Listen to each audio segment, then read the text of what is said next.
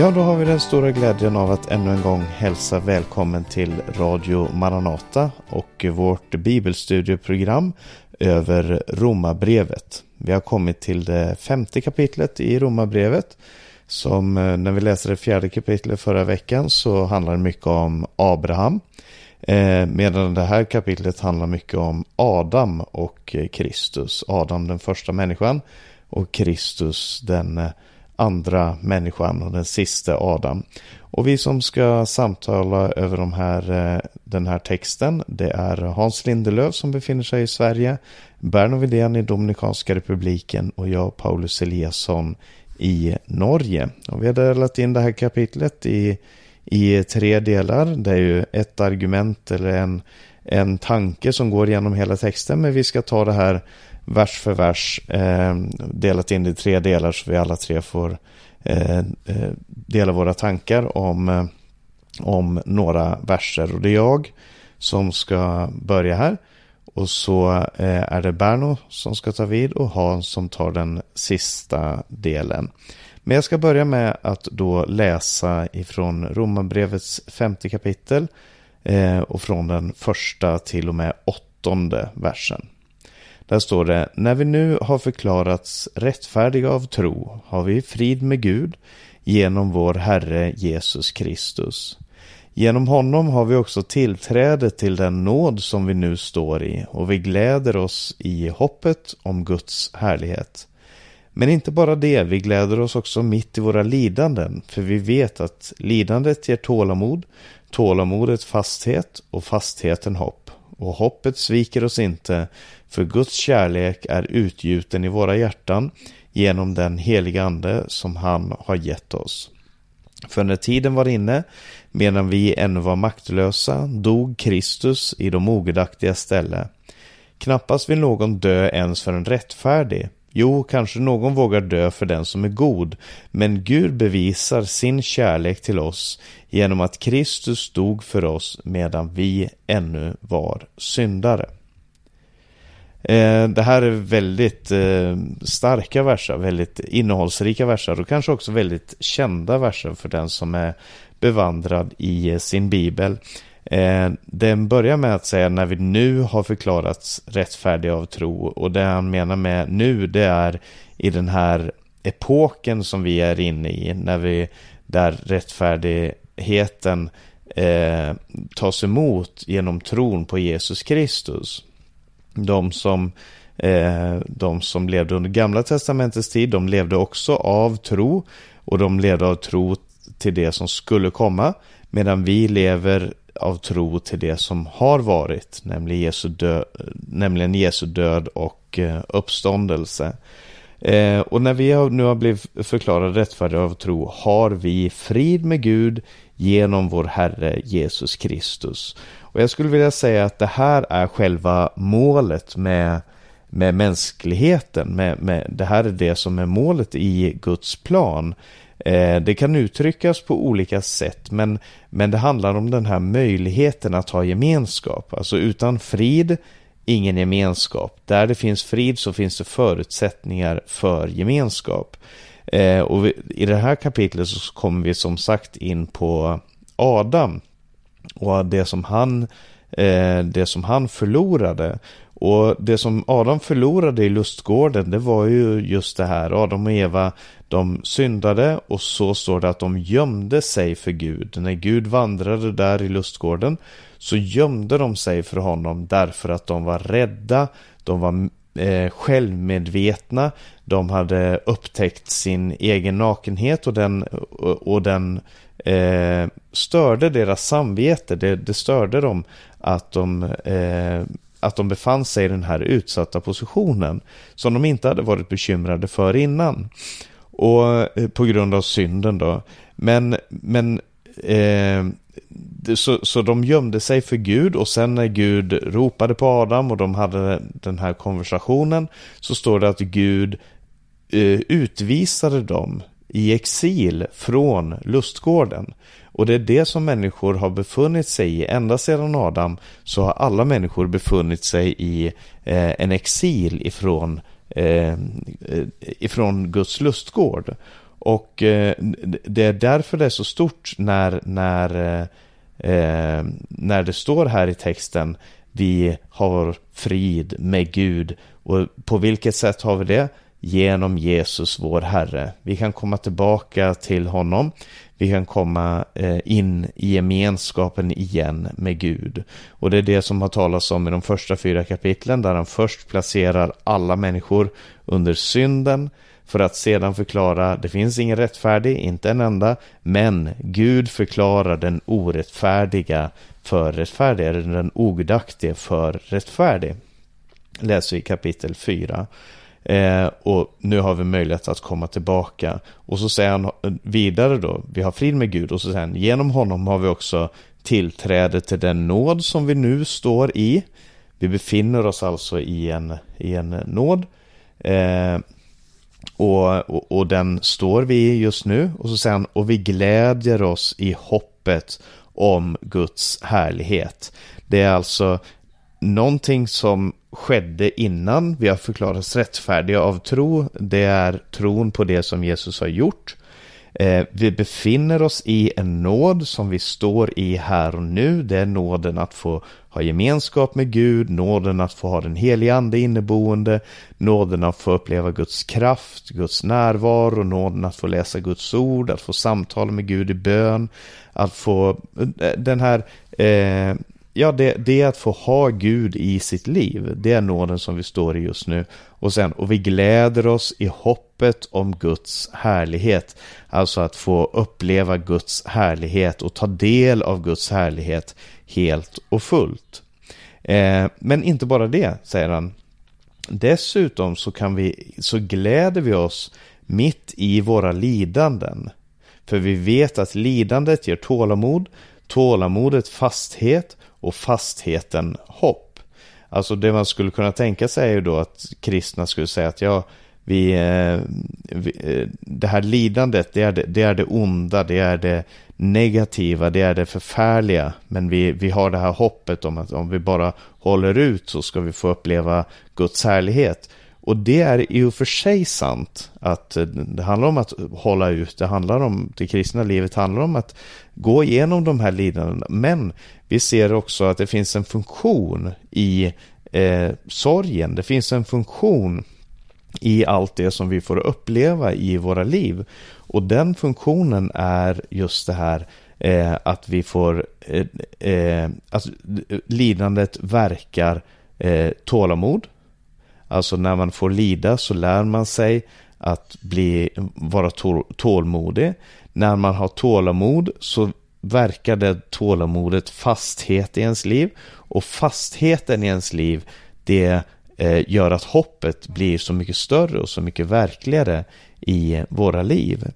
Eh, och, och tanken är att vi, vi kan glädja oss, glädja oss redan nu under våra lidanden, inte bara trots våra lidanden, eh, utan under våra lidanden. Det är väl Jakob som säger det eh, i sitt brev att han säger, det är Jakobs först, eh, första kapitel och den andra versen, han säger Räkna det som ren glädje, mina bröder, när ni råkar ut för olika slags prövningar. Och så har han samma argumentation som, som aposteln Paulus, han säger Ni vet ju att när er tro prövas så ger det uthållighet och, och låt uthålligheten leda till fulländad gärning så att ni är fullkomliga och hela utan brist på något sätt.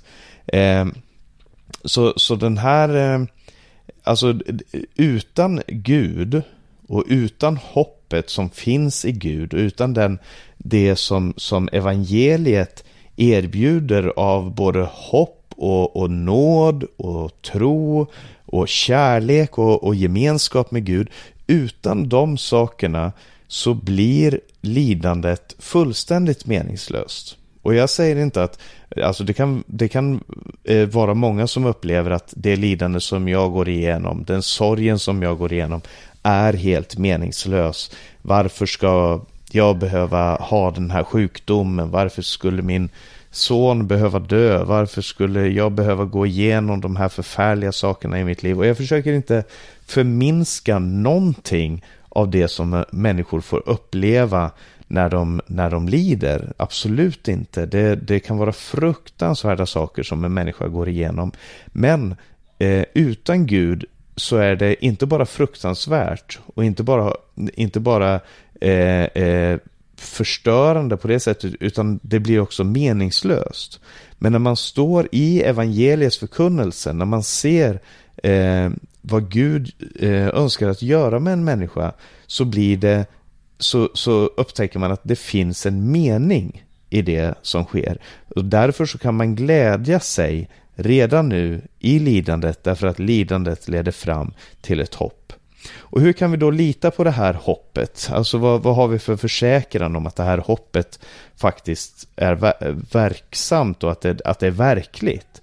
Så säger han, det hoppet det sviker oss inte för Guds kärlek är utgjuten i våra hjärtan genom den heliga ande som han har gett oss. Så den heliga ande verkar ett vittnesbörd i varje människa som tror på Gud, som, som litar på honom. Så finns det ett inre vittnesbörd som, som berättar att vi tillhör Gud, som bär vittnesbörd i oss om att Gud älskar oss, som bär vittnesbörd i oss om att vi har ett hopp om ett evigt liv.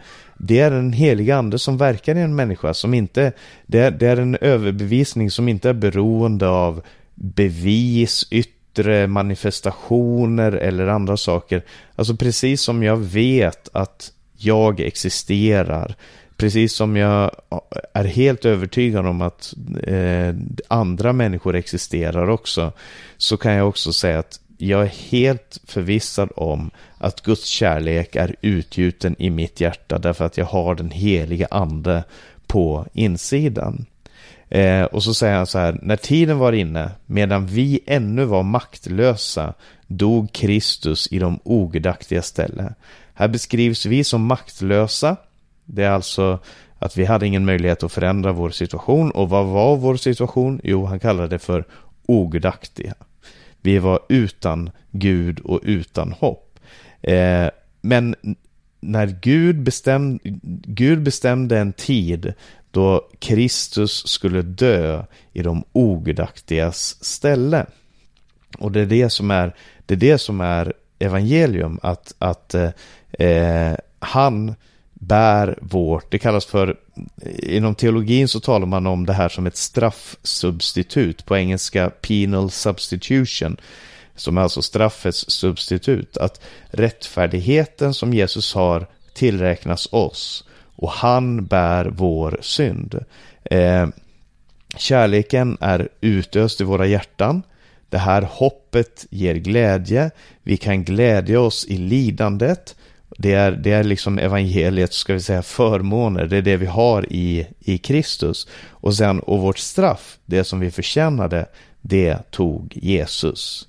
Och, och det här som Jesus gjorde, det är så oerhört stort just därför att eh, mänskligt sett så kan man säga att ja, säger han här, kanske någon ville dö för någon som man älskar och håller av. Kanske någon vill dö för en god man eh, eller en god kvinna. Men Gud bevisar sin oändliga kärlek till världen genom att Kristus dog för våra synder medan vi ännu var syndare.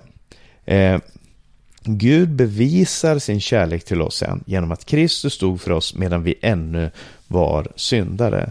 För sanningen om oss är att vi är förstörda och vi lever i rebelliskhet mot Gud. Men Gud älskade oss ändå. Gud älskade oss mitt i allt det där. Och därför så kan vi säga att kärleken är tydligast demonstrerad på Golgata kors. Alltså alla Guds attribut, alla Guds egenskaper möts där vid korset. Guds vrede, Guds storhet, Guds makt, Guds nåd, Guds barmhärtighet, hans långmodighet, men framförallt hans kärlek. Och därför så är det till korset som vi måste gå och se för att förstå kärleken som Gud har och för att ha den minsta chans att kunna imitera den och leva i den kärleken som Gud har till hela mänskligheten. Det, det är det, det glada budskapet i, i eh, evangeliet som, som Paulus här kommer fram till. Och, och det var det som jag ville dela eh, först och främst här. Kanske Hans, har du några kommentarer till de inledande verserna här? Ja, det är intressant den här frågan. Alltså, i sjunde versen. Att det skulle kunna finnas någon som hade mod att dö för den som har gjort honom gott. Det finns ju vackra exempel i historien. I, i litteraturen mm. också. Jag tänker på Dickens två städer där en, en man som har samma utseende nästan som en ung fransk adelsman tar hans plats för att bli halshuggen. Medan den här unge franske adelsmannen kommer undan. Jag vet inte om ni har läst den. Ganska vackert. Men det är ju en dikt. Men det finns ju andra exempel man har hört om hur faktiskt människor har tagit andras platser. Eh, var inte, hörde inte Bonhoeffer till dem också? Ja, men nu har vi en som faktiskt har, som det heter här, inte bara dött för den som har gjort honom gott, utan dött för de som har gjort mycket ont, för de ogudaktiga. Tänk. Mm.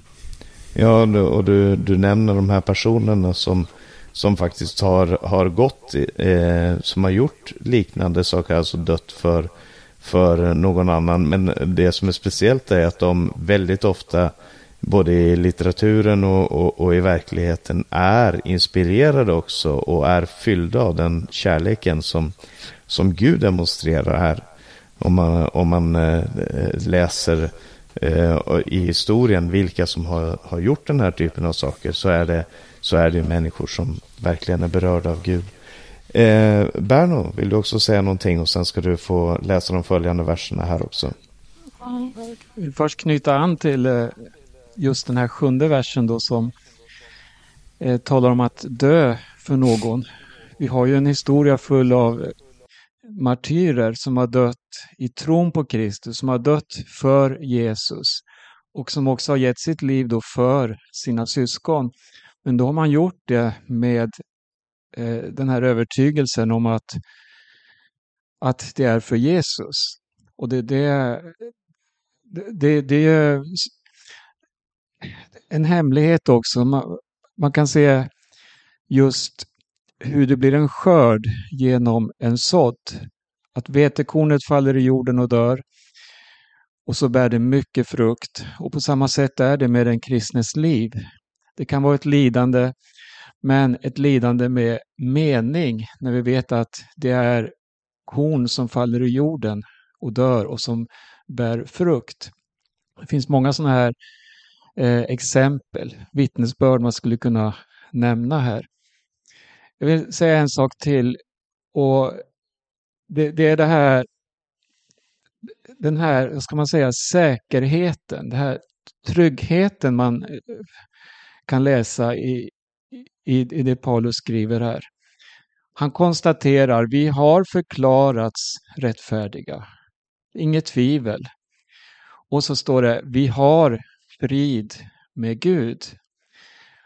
Och det här att ha frid med Gud, det, det, det, tankar kan komma ibland att det är inte rätt ställt med mig. Man kan vara ansatt på olika sätt. Det kan vara kritik från människor och så vidare. Eh, skulle jag dra en liknelse här. Eh, om jag eh, vet att jag har en vän vid min sida som jag kan gå till, som jag kan prata med, som jag kan ja, ta upp vad som helst med och veta att han förstår mig. Men så kan det finnas andra runt omkring som kritiserar och som gör att jag fylls av tvivel. Men ändå mitt i allt det här så vet jag att den här vännen jag har, honom eh, kan jag lita på.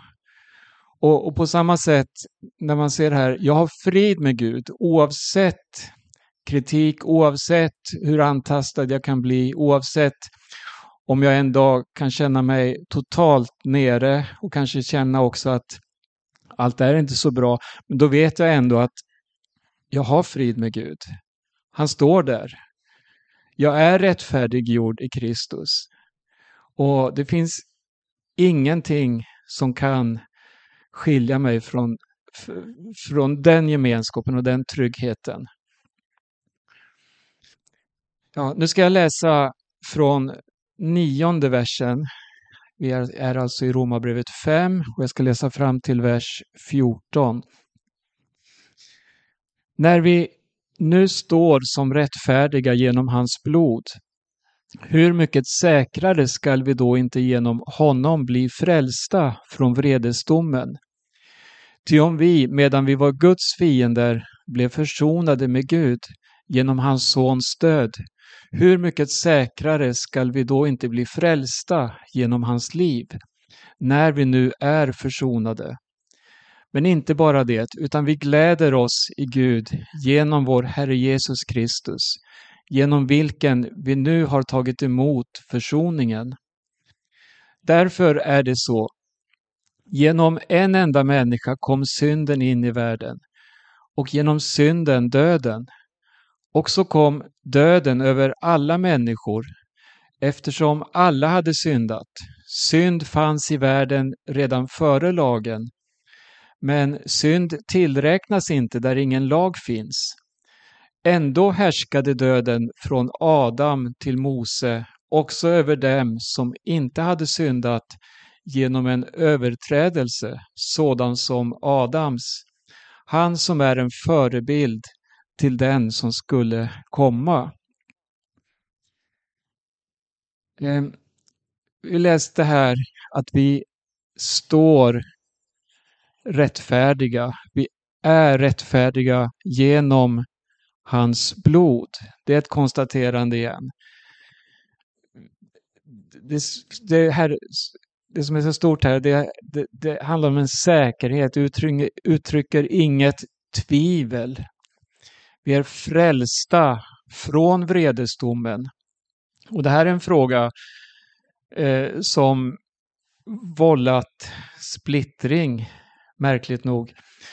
Eh, just frågor som handlar om eskatologi, yttersta tingen, Jesu tillkommelse och så vidare har en förmåga att splittra kristna.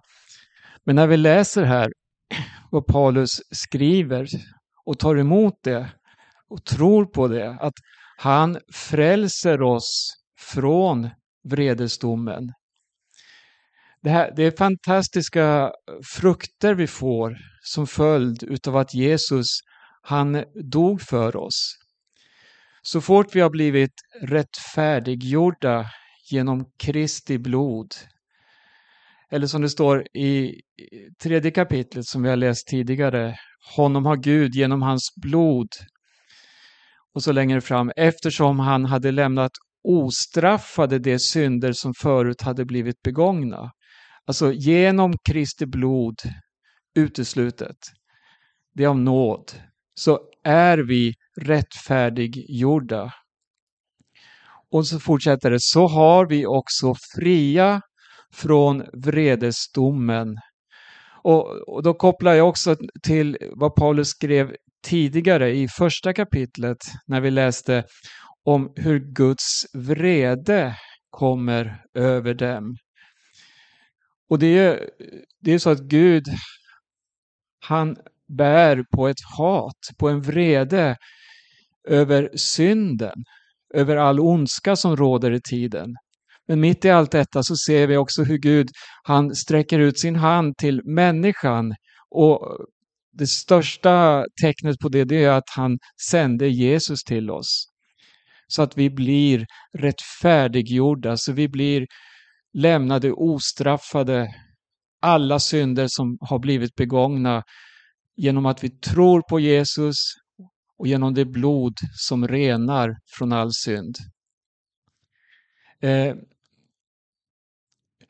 sen står det så här, jag tänker på det här att det som har med eskatologi att göra, vad väntar vi på? Paulus skriver så här i första Thessalonikerbrevet 1 och 10. Att att vänta på hans son från himlen. Honom som Gud har uppväckt från de döda, Jesus som har frälst oss från den kommande vredesdomen. Återigen alltså, det finns en befrielse från Guds vrede som vi ser går ut över världen, över all ondska. Vers 9 stod det så här, rättfärdiga genom honom och så blir vi frälsta från vreden. I vers 10 läser vi att vi är försonade med Gud genom Jesu död. Och så blir vi frälsta genom hans liv. Det talas här om att bli frälsta. Jag har ju tagit emot Jesus, jag är ju frälst. Men det finns också i det här eh, något som blickar framåt, som talar om en säker framtid, ett hopp. Och det är genom Jesu liv. Det, jag tänker på det här, det är inte Gud som blir försonad, utan det är, det är vi, det är världen, det är människorna. Och Paulus han utvecklar det här i andra Korintierbrevet. Jag ska ta med ett par verser här från det femte kapitlet. Eh, där deklarerar han så oerhört starkt så här från sjuttonde versen. Alltså, om någon är i Kristus är han en ny skapelse. Det gamla är förbi, se det nya har kommit. Allt kommer från Gud som har försonat oss med sig själv genom Kristus och gett oss försoningens tjänst. Ty Gud var i Kristus och försonade världen med sig själv. Han tillräknade inte människorna deras överträdelser och han har anförtrott åt oss försoningens ord. Det här, det här är så oerhört starkt och på ett sätt väldigt svårt att omfatta. Det står inte här att Gud försonade den och den och den, utan det här är ett erbjudande till hela världen. Vem kan göra detta om inte Gud i Kristus? Alltså hela världen står försonad och han tillräknar inte människorna deras överträdelser, deras synder. Vilket starkt och maktfullt ord. Vilket erbjudande till hela mänskligheten. Eh, frälst genom hans liv. Jag, jag, tror att det här också ger oss eh, en, en, direkt eh, blick framåt. Det, det handlar inte här om Jesu jordiska liv utan om den uppståndne frälsaren. Han som utlämnades för våra synders skull och uppväcktes för vår rättfärdiggörelses skull. Så skriver eh, Paulus i kapitlet vi läste innan, det fjärde kapitlet. Eh, Petrus skriver så här, Eh, jag tänker på den uppståndne Kristus, i första Petrus 3.18. Så led också Kristus en gång för våra synder Rättfärdig led han i orättfärdiga ställe för att föra oss till Gud. Han blev dödad till köttet, men levandegjord genom anden. Vers 11 så står det att vi gläder oss. Och detta hopp som frälsningen ger oss, det ger oss också speciella skäl att glädja oss i Herren. Redan nu kan vi glädja oss. Redan nu har vi tagit emot det nya livet.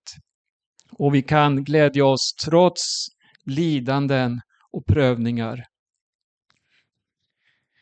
Vers 12 så står det Genom en enda människa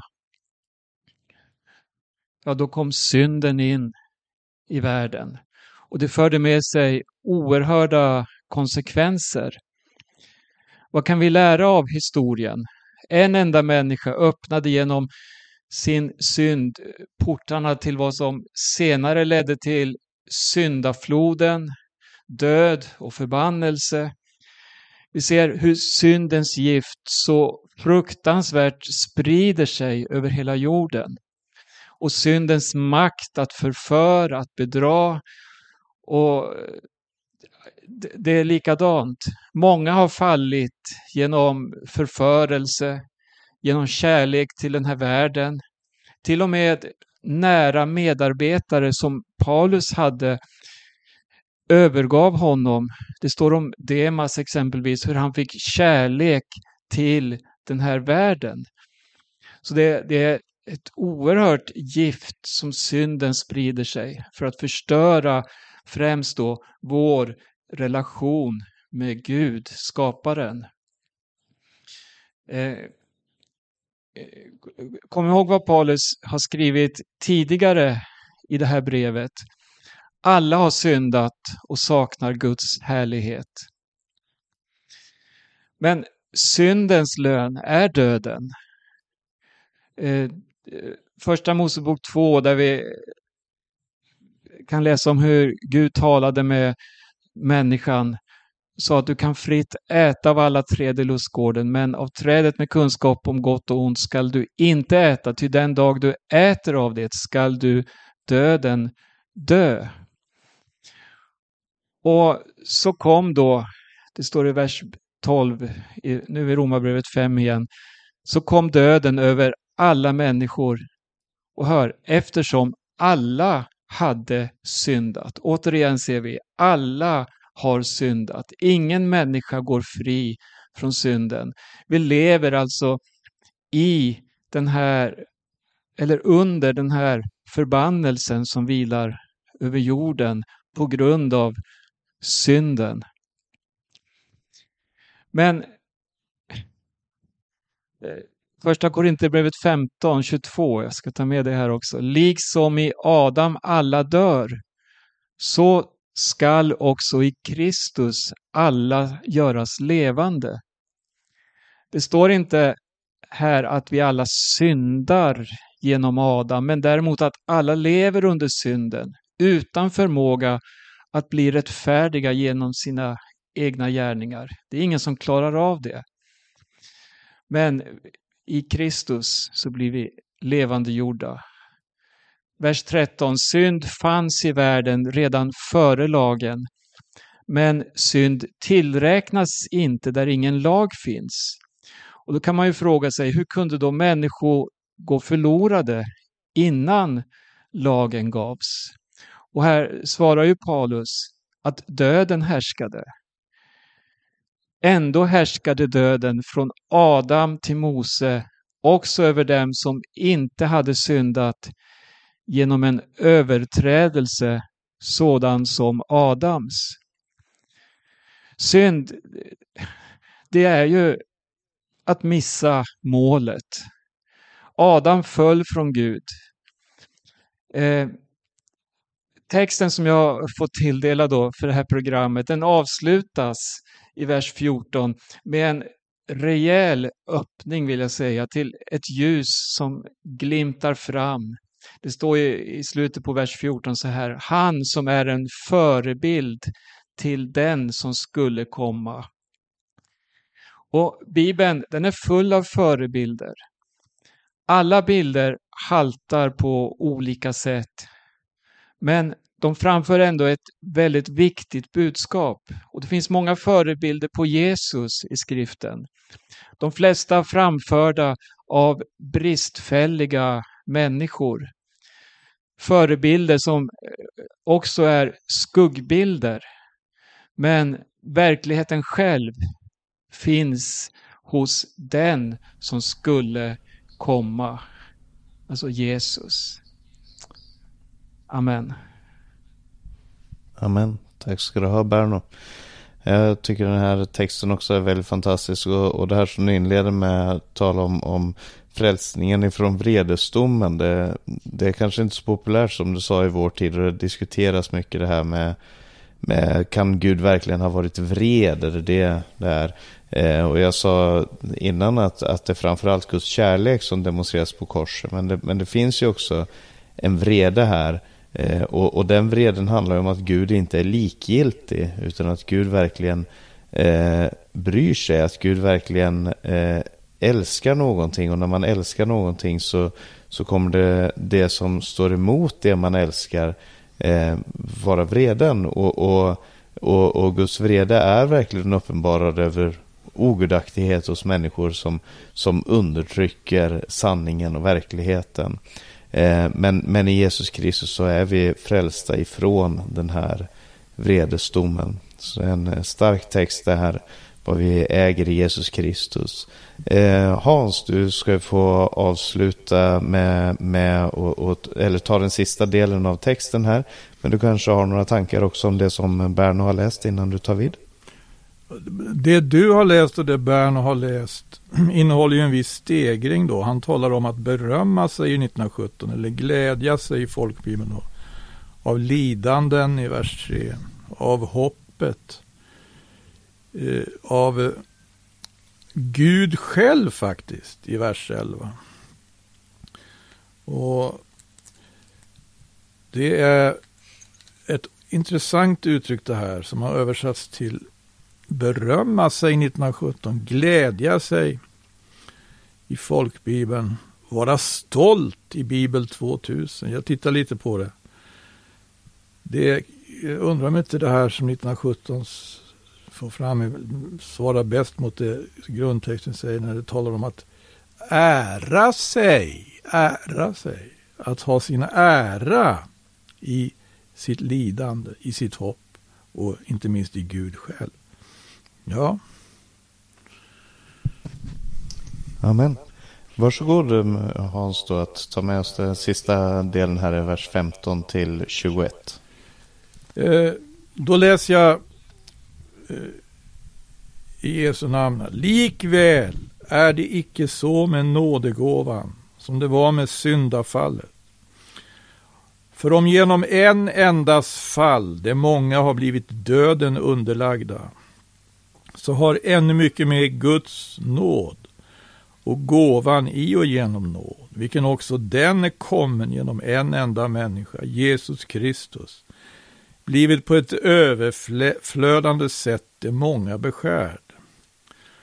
Och med gåvan är det icke så som det var med det som kom genom denne ene som syndade. Domen kom genom en enda och ledde till fördömelse. Men nådegåvan kom i följd av mångas fall och ledde till rättfärdiggörelse. Och om döden på grund av en endas fall kom till konungavälde genom den ene, så ska ännu mycket mer det som undfår den överflödande nåden och rättfärdighetsgåvan få konungsligt välde i liv. Också det genom en enda, Jesus Kristus. Alltså liksom det som kom genom en endas fall. För alla människor ledde till en fördömelse, till, till fördömelse. Så leder det som kom genom rättfärdiggörelsen förmedels till en enda. För alla människor till en rättfärdiggörelse som medför liv. Ty så som genom en enda människas olydnad de många fick stå såsom syndare, så ska och genom en endas lydnad de många stå såsom rättfärdiga. Men lagen har därjämte kommit in för att fallet skulle bli så mycket större. Dock, där synden blev större, där överflödade nåden mycket mer. Ty så som synden hade utövat sitt välde i och genom döden, så skulle nu och nåden genom rättfärdighet utöva sitt välde till evigt liv. Och det genom Jesus Kristus vår Herre. Här för aposteln ett väldigt resonemang och det inleds egentligen i vers 12 som Berno läste här om att synden kom i världen genom en enda människa. Det som eh, han riktigt går igenom en oerhörd väv, visar på hur synden är invävd i människans och mänsklighetens öde. Men han repar upp det här, han repar upp hela denna syndaväv och visar på hur Jesus genom det han har gjort har kunnat föra ut själarna ur den här syndanöden och det här mörkret som faktiskt kommit med synden. Och jag, jag måste nog nästan säga någonting om eh, fjortonde versen innan jag går på här, därför att det talas ju om synden. Det talas om överträdelsen. Det begreppet kommer just i 14 versen. Och det talas om fallet. Som alltså är, är de här sidorna av att synden kommit i världen genom en enda människa. Och det här är ju egentligen oerhört. Vi har ju lärt oss att människan är en varelse som har till att börja med i en viss annan form då befunnit sig i havet för att stiga upp ur havet och resa sig på fyra ben och sen resa sig på två ben. Och ständigt utvecklas, ständigt utvecklas genom att ska, skaffa sig allt större skicklighet, liksom. Att ta, ta, klara tillvaron, att ta sig fram genom tillvaron. Här har, har Bibeln det här budskapet att ifrån början så var människan faktiskt väldigt utvecklad och så pass utvecklad att hon kom direkt ur Guds hand. Och genom den människan, den ena, så kom synden i världen. Och det är helt oerhört det här att Adam är en förebild till den som skulle komma. På vilket sätt då? Genom sin överträdelse? Nej, hur? Vad menar han?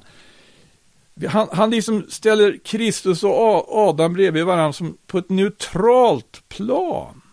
Här har vi en individ som gjort något som fått betydelse för hela mänskligheten. Sak samma om det är gott eller ont. Men vi får veta att det är ont. Och så har vi en annan som har gjort en, något som har oerhörd betydelse för hela mänskligheten. Och det är Jesus Kristus. Eh, på det viset skulle alltså Adam vara en förebild genom att han genom sin handling åstadkommer något som drar över hela mänsklighetens synd. Fast Kristus är den som kommer frälsa ifrån sina jämförelser eh, består just i att en, en individ som har gjort något som har kommit att få följder för hela världen. Och tack och lov för den här individen som heter Jesus som har gjort något som följderna har blivit så storslagna som han går igenom här nu. Han talar om nådegåvan. Eh, eller gåvan bara. Eh, eh, till skillnad från fallet. Och det är just det här i vers 15. Att genom en endas fall det är många blivit döden underlagda.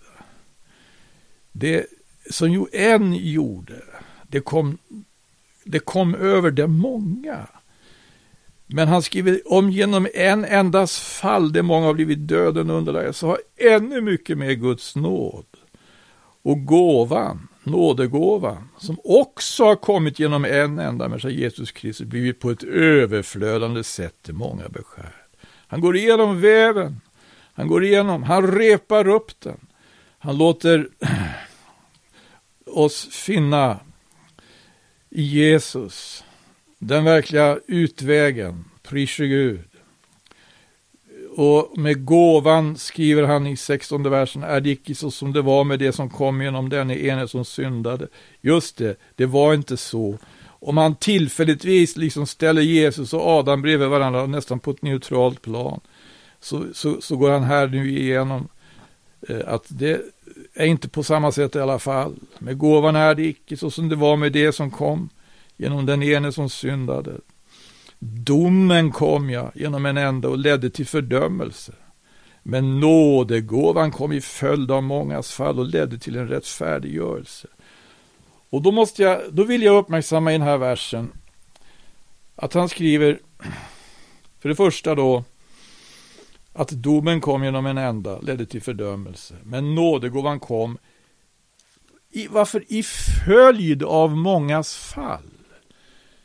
Eh, han skulle kunna skriva nådegåvan kom i följd av profeternas utsagor. Han skulle kunna skriva nådegåvan kom i följd av Guds löften. Men han skriver här nådegåvan kom i följd av mångas fall. Och det här säger oss faktiskt någonting om syndens ohyggliga initiativ.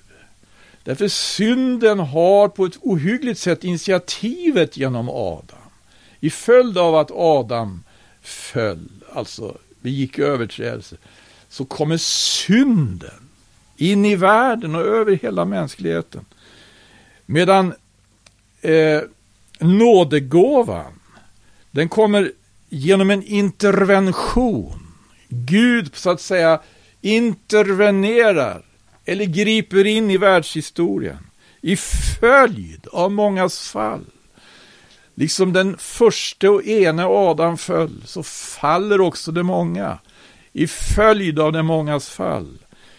På ett sätt har alltså Kristus, historiskt har han ju, eh, så att säga, ett underläge i förhållande till Adam. Adam är den första i, i världshistorien.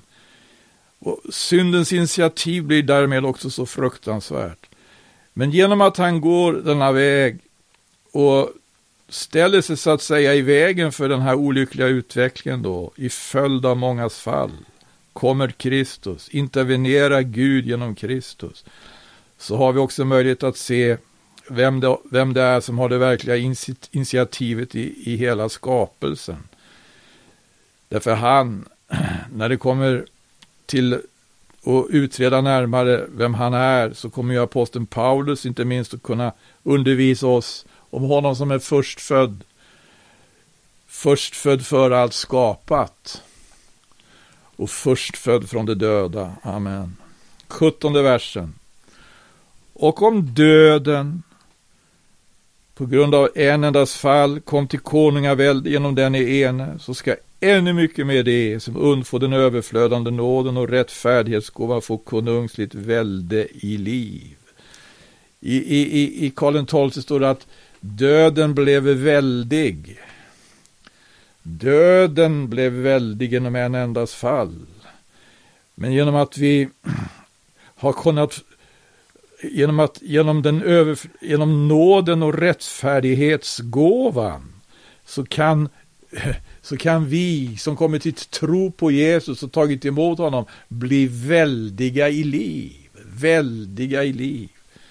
Vad underbart. 18 versen, alltså liksom det som kom genom en endas fall för alla människor ledde till en fördömelsedom. Så kom så leder det som kom genom rättfärdiggörelse, domen förmedels den enda för alla människor till en rättfärdiggörelse som medför liv. 19 versen, ty, så som genom en enda människas olydnad, det många fick stå så som syndare, så ska och genom en endas lydnad det många stå som rättfärdiga. Han har repat upp hela väven. Där synden är så olyckligt invävd. Han har repat upp allting här. Han har ställt gåvan mot fallet. Han har ställt lydnaden mot olydnaden. Han har ställt Jesus Kristus på det sätt han gör här mot Adam och pris Gud. Eh, I de sista verserna är han också inne på det här med lagen igen. Eh, lagen har där jämte kommit in för att fallet ska bli så mycket större. Dock där synden blev större, där överflödade nåden mycket mer. Har ni hört? Har ni hört? Ö en överflödande nåd.